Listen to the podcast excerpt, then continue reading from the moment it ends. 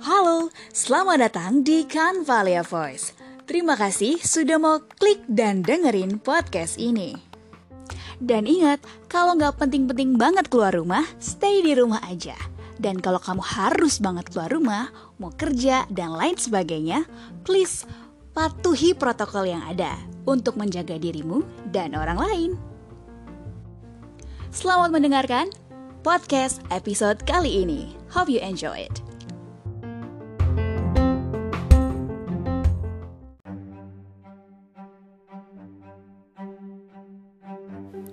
Selamat datang di segmen Happy Healthy.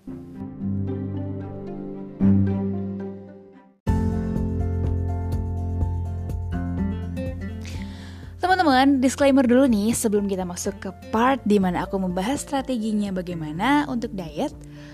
Uh, ada juga pertanyaan di DM tentang apakah kamu diet karena dibully? dibully udah sering teman-teman udah sering dari dulu segala macam hal yang aku lakukan bisa jadi bahan bulian.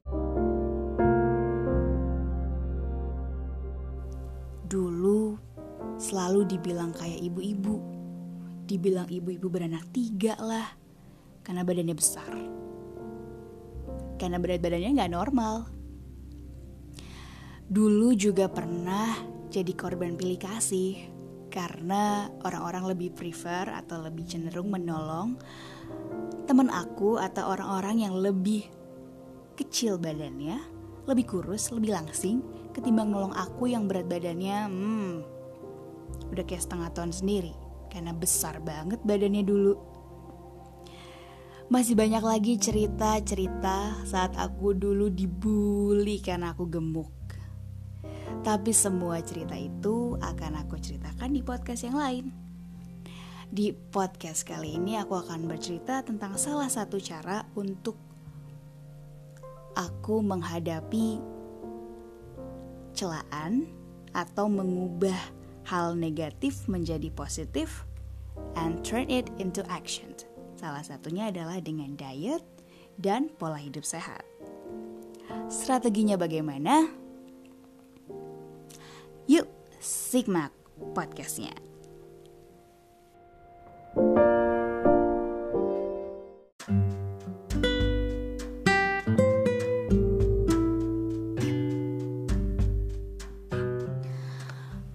Teman-teman, kembali lagi di Canvalia Voice segmen Healthy Happy.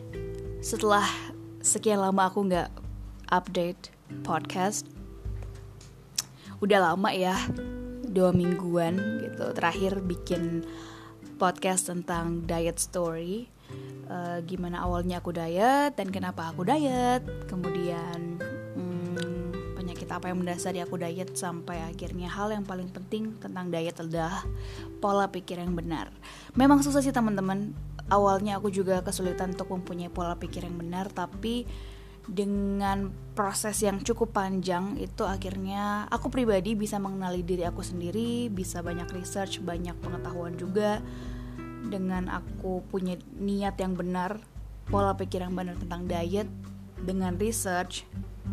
Jadi lebih pemikiran kita jadi terbuka gitu tentang apa sih sebenarnya sehat, kenapa kita harus hidup sehat gitu. Bukan hanya sekedar supaya kita nggak cepat mati ya. Uh, penting diketahui bahwa setiap orang pasti mati teman-teman tapi gimana caranya kita bisa menghargai hidup kita selama kita hidup ya dijaga gitu makanya kenapa diet buat aku bukan sekedar awalnya adalah sebuah program tapi lama kelamaan itu bukan sekedar program melainkan sebuah cara untuk bisa mencintai diri sendiri. Bukan artinya selfish terhadap diri sendiri tidak. Tapi penting banget buat kita mengenal diri sendiri dan menyayangi diri sendiri. Karena kalau enggak siapa lagi gitu. Salah satu caranya kita menyayangi tubuh kita adalah dengan menjaganya gitu. Nggak ada cara lain gitu. Nah salah satu kita menjaganya adalah ya udah kita benahi pola makan kita gitu karena buat aku cara makan aku yang dulu tuh bener-bener aduh dosa makan deh gitu.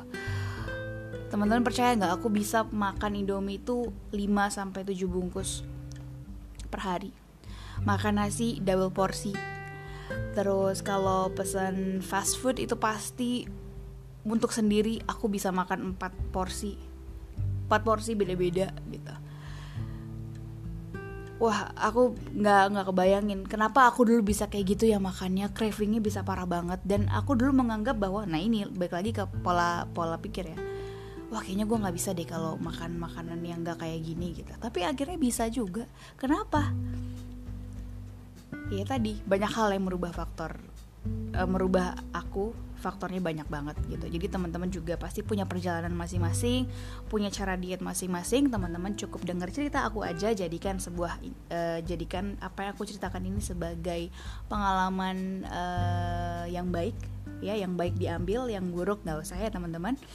Gitu. Jadi ya bisa dijadikan pelajaran lah apa yang aku ceritakan gitu Oke, okay, di episode kali ini aku mau ceritain hal yang paling uh, ditunggu-tunggu mungkin sebenarnya ya cara dan strateginya gitu. Uh, langsung aja ya teman-teman. Pertama yang aku lakukan pada saat um, diet itu adalah intermittent fasting. Mungkin buat teman-teman yang udah lama menjadi pejuang diet pasti udah tahu banget tentang sebenarnya metode-metode apa aja sih yang umum dilakukan gitu ya salah satunya adalah intermittent fasting atau diet puasa. Puasa diet gitu. Banyak metodenya teman-teman. Salah satunya adalah 16 per 8 di mana aku melakukan 16 jam puasa dengan 8 jam tidak makan. Uh, tapi tetap minum. Nah, cara menga sorry, 16 jam puasa, jam 8 eh, 8 jam makan. Aku ulangi lagi ya, 16 jam puasa tanpa makan, hanya minum dan 8 jam waktu makan. Jadi aku hanya punya waktu makan tuh 8 jam. Nah 8 jam itu apakah aku tetap clean eating atau def, uh, defisit kalori? Aku hanya clean eating, tapi tidak defisit kalori. Hanya clean eating aja. Jadi makannya bersih, nggak makan goreng-gorengan sama sekali gitu. Ini mirip-mirip sama OCD sih. Jadi kalau ditanya, aku langsung jawab singkat OCD OCD. aku cuma jawab singkat kayak gitu. Yang kedua oh iya penjelasannya kenapa intermittent fasting. Jadi saat tubuh kita makan normal tidak tidak puasa itu pasti makanan yang diserap ke dalam tubuh itu tidak semuanya. Jadi ada yang diserap ada juga yang disimpan di dalam tubuh kita sebagai cadangan. Baik itu cadangan gula maupun cadangan, cadangan lemak. Nah saat kita melakukan intermittent fasting otomatis tubuh kita tidak ada tidak ada asupan makanan sehingga yang dipakai atau yang diperintahkan oleh otak kita adalah nih keluarin cadangan energi cadangan yang waktu itu disimpan gitu. Yaitu cadangan gula dan cadangan lemak. Nah itu dipakai sehingga terjadilah pembakaran lemak. Semua yang tadinya disimpan di tubuh yang mengendap di tubuh atau yang timbun di tubuh salah satunya adalah lemak ya itu di saat itulah mulai dibakar gitu mulai dibakar untuk proses metabolisme sel dalam tubuh kita gitu. Jadi itu yang mem mempermudah, bukan mempermudah ya, mempercepat proses pembakaran lemak gitu. Nah, yang kedua adalah kalori deficit. Oke. Okay. Nah, kalori deficit ini aku lakukan untuk mengurangi uh, apa membatasi asupan kalori aku sebanyak 1000 sampai 1250 sampai 1300 per hari. Nah, untuk bisa mengetahuinya, teman-teman aku sarankan untuk me, apa install aplikasi untuk kalori di kalori counter. Contohnya kayak Fat Secret atau Fitness Pal gitu-gitu. Uh, My Fitness My Fitness Pal. Ya pokoknya banyak deh teman-teman di Play Store atau di Apple Store itu kan banyak buat kalori counter gitu ya. Nah, uh, kalau kalori defisit otomatis erat kaitannya dengan meal plan karena itu berhubungan dengan kalori yang kita intake kalori intake kita setiap hari yang kita masukkan ke dalam tubuh kita. Kalau aku saranin saat meal plan itu ada dua planning yang bisa kita lakukan. Kita planning sendiri apa yang harus kita makan dengan cara kita masak sendiri. Jadi kita tahu cara dimasaknya karena kan mempengaruhi. Kalau dia direbus otomatis kalorinya tidak sebesar kalau makanan itu digoreng atau dibakar kayak gitu ya. Jadi itu mempengaruhi teman-teman. Jadi kalau misalkan mau ngelakuin meal plan usahakan masak sendiri. Kalau emang teman-teman adalah orang yang super duper sibuk bisa lakuin um, healthy catering. Catering catering teman-teman. Bisa apa aja. Sekarang kan ada Yellow Fit Kitchen. Not sponsor please uh, nggak nggak di sponsor ya tapi banyak banget kan. Uh, gracious healthy juga ada gitu. Jadi buat ibu-ibu muda yang habis melahirkan gitu bisa juga sembari olahraga bisa juga catering makanan sehat. Bisa juga kalau misalkan emang nggak mau catering uh, misalkan harganya masih terlalu mahal tetap sih yang lebih murah memang masak sendiri. Jadi buat ibu-ibu lebih mudah tuh. Kalau buat yang belum jadi ibu-ibu seperti saya belajar masak ya teman-teman. Aku juga tadinya kalau aku memang senang makan jadi senang makan senang masak sendiri begitu mau diet tidak terlalu sulit karena emang senang masak basicnya gitu. Oke okay? next. Gimana sih aku melakukan strategi dalam melakukan baik itu kalori defisit baik itu menahan makanan-makanan yang tadinya itu menggiurkan ya kan? Gimana sih caranya gitu? Sama sekali nggak tertarik sama goreng-gorengan Gak juga realistis kok teman-teman. Ini diet aku super duper realistis. Kadang masih pengen makan makanan yang goreng-gorengan, mie instan. Tapi aku berusaha untuk mencari substitusi yang jadi jauh lebih sehat. Mie instan aku pakai mie instan tapi no MSG Udah banyak kan produksi-produksi mie instan? Selain mie instan yang ber-MSG cari mie instan yang tidak ber tidak ada MSG-nya gitu. Lebih inilah gitu. Dan makannya juga jangan setiap hari gitu. Baik lagi uh, porsinya diatur. Karena kan kita juga harus kalori defisit gitu ya. Kalau kalori defisit otomatis harus sesuaikan karbohidratnya proteinnya lemaknya harus seimbang. Nah itu waktu itu aku terbantu karena aku pakai aplikasi. Jadi aku saranin teman-teman untuk uh, up, apa? Install aplikasi kalori counter oke? Okay?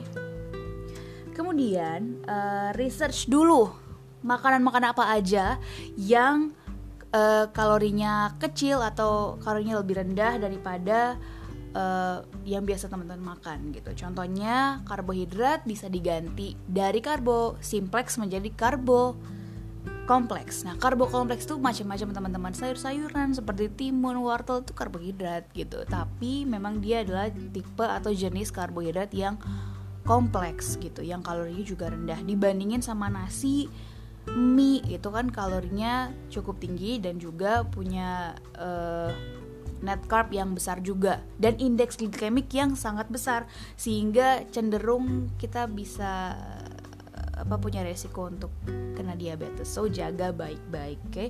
Karena diabetes itu gula itu teman-teman punya kecenderungan kan merusak pembuluh darah. Dari situlah semuanya awal kerusakan tubuh mulai menjalar ke mana-mana. Bener deh teman-teman. Kalau teman-teman gak percaya do some research. Do your own research oke okay? banyak banget intinya gula itu jahat teman-teman. Asupan yang cukup itu sangat dianjurkan. Tapi kalau berlebih melebihi dari itu apalagi kan mostly people orang-orang Indonesia lebih cenderung untuk aduh kalau nggak makan nasi nggak kenyang. Nah ini padahal substitusi nasi itu begitu banyak. Ada singkong ada oatmeal, ada quinoa, ada biji-bijian, kacang-kacangan yang juga punya low carb atau kayak karbohidratnya lebih rendah daripada nasi gitu. Jadi banyak banget sebenarnya. So, pertama research tentang makanan-makanan apa aja substitusinya yang bagus dan disesuaikan dengan kebutuhan tubuh teman-teman ya. Lagi-lagi itu penting banget. Listen to your body. Dengerin tubuhnya teman-teman ya jadi harus disesuaikan kemudian um, setelah mencari substitusi cari juga makanan yang bukan hanya kalori rendah tapi juga uh, bisa menghasilkan energi yang tinggi juga. Contohnya kayak pisang. Itu kalorinya memang lumayan tapi masih tergolong kecil lah gitu. Itu bisa buat teman-teman sebelum olahraga pre workout boleh atau kalau teman-teman uh, lebih prefer untuk BCAA pakai BCAA powder yang biasa udah udah biasa olahraga ya boleh juga tapi kalau emang kayak aduh BCA mahal ya udah pakai pisang di makan biasa atau di jus atau dibikin smoothie it's up to you bisa juga oke okay? kemudian uh, alat makan. Nah nih teman-teman, aku seneng banget untuk memanipulasi otak aku bahwa aku tuh udah makan banyak. Aku tuh seneng banget kalau makan sambil nonton atau sambil ngerjain sesuatu hal. Jadi aku kayak ya emang tipe yang sukanya nyemil gitu, ngegadoin. Jadi aku harus memanipulasi otak aku kalau aku tuh udah makan banyak dengan cara menggunakan mangkok yang kecil. Aku pakai mangkok yang dulu tuh suka ini kan di Quaker Oats, not sponsor. Quaker Oats suka ada uh, apa namanya dulu ada berhadiah mangkok yang kecil yang kuning itu yang ada tulisannya Quaker Oats itu aku pakai mangkok itu atau teman-teman bisa pakai mangkok apa aja yang ukurannya cukup kecil sehingga kalau kita kasih makanan dia udah penuh gitu. Wah berarti gue udah makan banyak. Di otak aku pikirannya ini aku udah makan banyak. Terus sendoknya juga aku ganti sendok yang ukuran kecil atau kayak teaspoon gitu sendok teh. Aku jadiin sebagai sendok makan teman-teman. Jadi aku memanipulasi memanipulasi otak aku bahwa aku sudah makan banyak dengan cara seperti itu. Dan itu berhasil. Dan terjadi perbedaan. Kalau aku makan pakai sendok makan biasa pasti kan aku akan craving lagi karena yang satu sen sekali sendok itu udah langsung banyak dan habis. Kalau pakai sendok teh itu satu sekali sendok tuh oh masih ada lagi. Jadi kayak hanya memanipulasi otak aku aja. Kalau aku tuh udah makan banyak padahal porsinya udah di udah dikurangi gitu. Dan udah mengalami kalori defisit. Gitu caranya teman-teman oke? Okay? terus um, kalau ngemil aku memanipulasi otak aku dengan sayur-sayuran kayak wortel dan uh, timun yang bunyinya ada kriuk-kriuknya juga. Manipulasi aja dan bisa bikin dipping sauce atau cocolan macam-macam bisa pakai sambal. Kalau awalnya teman-teman kayak pengen yang cepet aja bisa pakai sambal botol masih it's fine it's totally fine gak apa-apa. Jadi jangan paksa sesuatu yang teman-teman gak punya. Untuk dipunyai hanya untuk diet tapi teman-teman ngeluarin budget yang cukup besar nggak usah. Untuk awal-awal adanya sambal botol sok pakai sambal botol silahkan cocol aja itu timun atau apa. Kan sekilo timun kan nggak nggak nggak mahal kan teman-teman gitu. Oh ya semua barang barang semua bahan-bahan yang aku sebutkan mungkin ada yang masih tergolong um, reachable atau kayak affordable buat semua orang. Tapi ada juga yang enggak teman-teman ada kok range range range harga yang dari murah ke mahal tergantung kualitasnya masing-masing. Tapi kayak quinoa atau kayak biji-bijian kacang-kacangan gitu. Tapi jangan banyak-banyak ya teman teman-teman asam murad jadi semuanya harus batas dan porsi yang pas gitu ya uh, semua yang kelihatannya makanan yang mahal-mahal ini atau yang kayak sehat-sehat itu pasti mahal. Nggak juga teman-teman. Banyak juga kok yang dapat 250 gram 9000 tuh ada. Teman-teman harus pinter-pinter research harga di e-commerce oke? Okay? karena buat aku semua orang itu berhak mendapatkan kesempatan untuk menjalani hidup sehat. Jadi bukan hanya untuk hanya golongan orang kaya aja tapi orang kalangan mana pun berhak untuk bisa mencoba menjajal hidup sehat gitu. Karena justru ya teman-teman jujur aja ketika aku berusaha untuk hidup sehat hidup aku jadi jauh lebih simpel pengeluaran jadi lebih sedikit. Kok bisa? Nanti aja aku bahas di next next next next podcast. Kita fokus ke sini dulu ya Oke, lanjutnya. Jadi ngemilnya harus diganti dengan yang bisa memanipulasi suara kriuk-kriuk tadi itu ya. Atau teman-teman bisa bikin sendiri cemilan yang menurut teman-teman cukup sehat atau gluten free atau apa segala macam. Teman-teman bisa bikin berkreasi macam-macam. Banyak kok um, menu-menunya di Google, oke? Okay? Tapi benar-benar harus uh, disesuaikan dengan budget teman-teman lagi-lagi ya gitu. Nah, uh, terus oh ya alternatif karbohidrat tadi kan aku bilang bisa macam-macam ya ada ubi. Ubi banyak kok teman-teman dan gak semuanya mahal. Sekilo tuh juga masih ada yang kisaran berapa puluh ribu tapi udah dapat banyak. Nah teman-teman bisa atur tuh makannya gitu. Oh jadi pagi gimana siang gimana malam gimana gitu. Cemilannya juga gimana. Dan bisa bikin dipping sauce sendiri selain saus sambal mau pakai mayo kalau emang adanya mayo kasih aja mayo nggak apa-apa tapi porsinya juga jangan banyak-banyak gitu. Terus untuk good fat atau karbohidrat eh sorry untuk um, lemak baik bisa diganti dengan alpukat atau olive oil chia seeds um, dan masih banyak yang lainnya lagi teman-teman bisa do your own research untuk good fat atau lemak baik ya gitu. Macam-macam kok teman-teman. Bisa disubstitusi asal teman-teman bisa mau terus belajar untuk mengetahui hal-hal yang belum teman-teman ketahui sebelumnya gitu. Karena aku pun sampai detik ini sampai detik ini pun masih belajar gitu. Jadi belajar sama-sama ya. Selanjutnya um,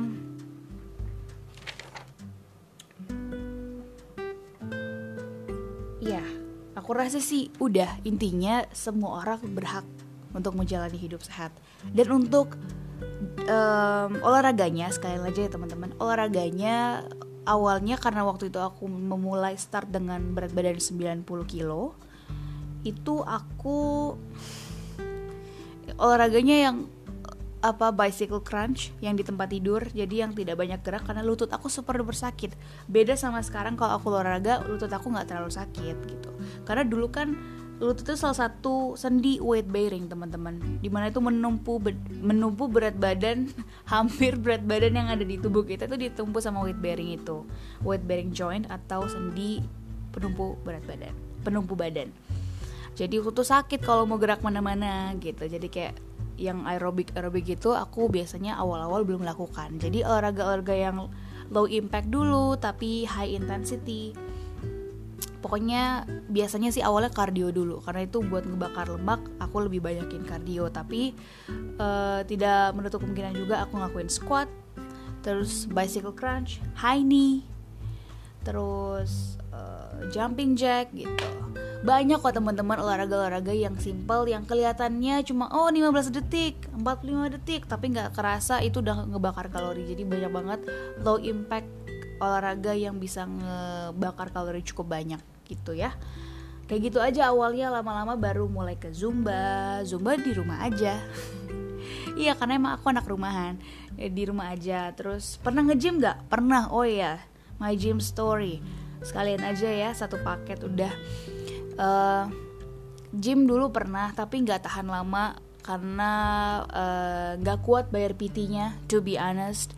Aku nggak kuat bayar PT-nya kan lumayan mahal ya teman-teman. Awalnya pakai PT uh, free trial gratis beberapa kali dapat PT itu enam kali ya untuk latihan enam kali. Tapi habis itu aku udah nggak ini lagi.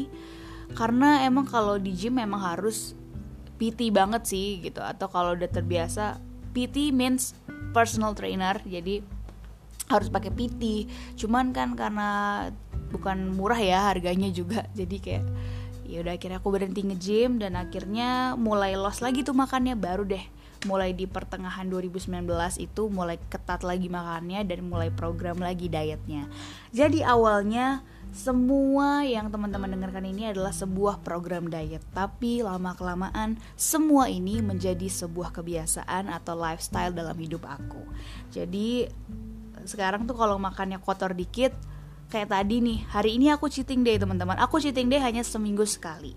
Jadi sebulan bisa empat kali. Kadang kalau lagi males cheating day itu cuma dua tiga kali sebulan gitu. Kenapa penting ya? Karena supaya ya kasih reward lah ke badan bahwa oh kamu udah bisa makan sehat hidup sehat. Nih kasih reward ya kasih makan enak sedikit selalu hargai tubuh teman-teman dan selalu berterima kasih sama Tuhan dan berterima kasih sama tubuh teman-teman kalau tubuhnya teman-teman tuh mau menerima proses adaptasi yang tadinya teman-teman makannya kotor sekarang udah mulai clean. Bilang makasih ya tubuhku udah mau nurutin aku untuk hidup sehat. Aku setiap kali selesai olahraga aku selalu berusaha untuk yoga yoga yang minim aja gerakannya tapi sekaligus kayak meditasi juga buat menenangkan diri dan selalu bilang ke diri aku itu salah satu cara aku untuk bisa menghandle PTSD yang aku alami teman-teman atau anxiety disorder yang aku alami. Itu membantu banget. Jadi aku do some yoga do yoga and selalu bilang ke diri aku terima kasih hari ini udah olahraga ya tubuhku. Terima kasih aku sangat sayang tubuhku ngomong ke diri sendiri afirmasi ini itu ke diri sendiri. Jadi afirmasi positif itu ngaruh banget ke hasil diet. Buat teman-teman yang sibuk banget atau buat teman-teman yang ibu-ibu muda atau yang sulit banget untuk diet aku kasih saran untuk olahraga dan uh, healthy healthy tips lainnya. Aku punya dua orang atau dua panutan untuk olahraga dan cara makan yang benar. Yang pertama mungkin teman-teman udah sering banget dengar namanya teman-teman search dah di YouTube namanya Yulia Balchun itu salah seorang uh, orang yang ngerti tentang nutrisi juga. Uh, dia juga kayaknya fit kaitan dengan fitness juga. Tapi bener-bener itu ngaruh banget caranya dia untuk kasih tahu kita tentang pola pikir yang benar tentang diet gitu. Bahwa diet itu nggak instan sama sekali gitu. Tapi disampaikan dengan cara yang baik dan juga dikasih juga resep-resepnya juga. Jadi teman-teman check her out di YouTube-nya Yulia Bastian. Kedua, untuk olahraga, uh, teman-teman coba cek di YouTube ya.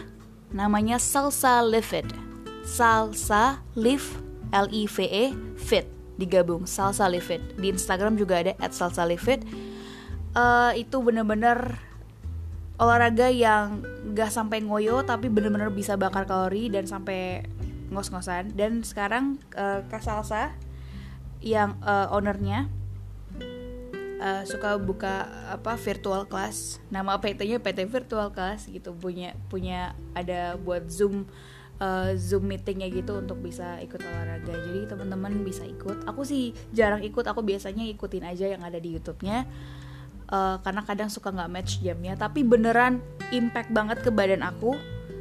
Ngaruh banget dan di sana positif impact banget. Bahkan aku tiap kali kalau dia bikin komunitas apa gitu aku rasanya pengen ikut. Jadi teman-teman apalagi buat yang ibu-ibu bisa banget follow IG-nya Salsa Live dan ikutin YouTube channelnya Salsa Live bener-bener ngaruh tipsnya. Top banget bener deh trust me. Oke? Okay? jadi ini yang udah terjadi sama badan aku selama satu tahun. Uh, ini yang udah aku lakuin selama satu tahun. Jadi your body deserve better jadi jangan pernah takut untuk mencoba menjalani hidup sehat. Karena hidup sehat itu adalah milik semua orang. Oke. Okay. Thank you for listening to my podcast. Akhirnya diet story aku berakhir sampai di sini. Ini udah cukup gamblang dan jelas apa yang aku lakuin detail banget. Buat teman-teman yang masih mau nanya tentang seputar diet yang aku lakukan atau hal-hal yang lain juga, boleh DM aja di Instagram aku at SC atau di uh, Instagramnya Canvalia Voice at Canvalia Voice. Terima kasih ya teman-teman sudah mau dengerin podcast aku kali ini. Semoga bermanfaat buat teman-teman yang lagi program diet. Jangan pernah menyerah, berdoa tapi juga terus berusaha. Cintai diri sendiri, cintai tubuh kamu, cintai diri kamu karena your body deserve better. Terima kasih teman-teman. See you on the next podcast.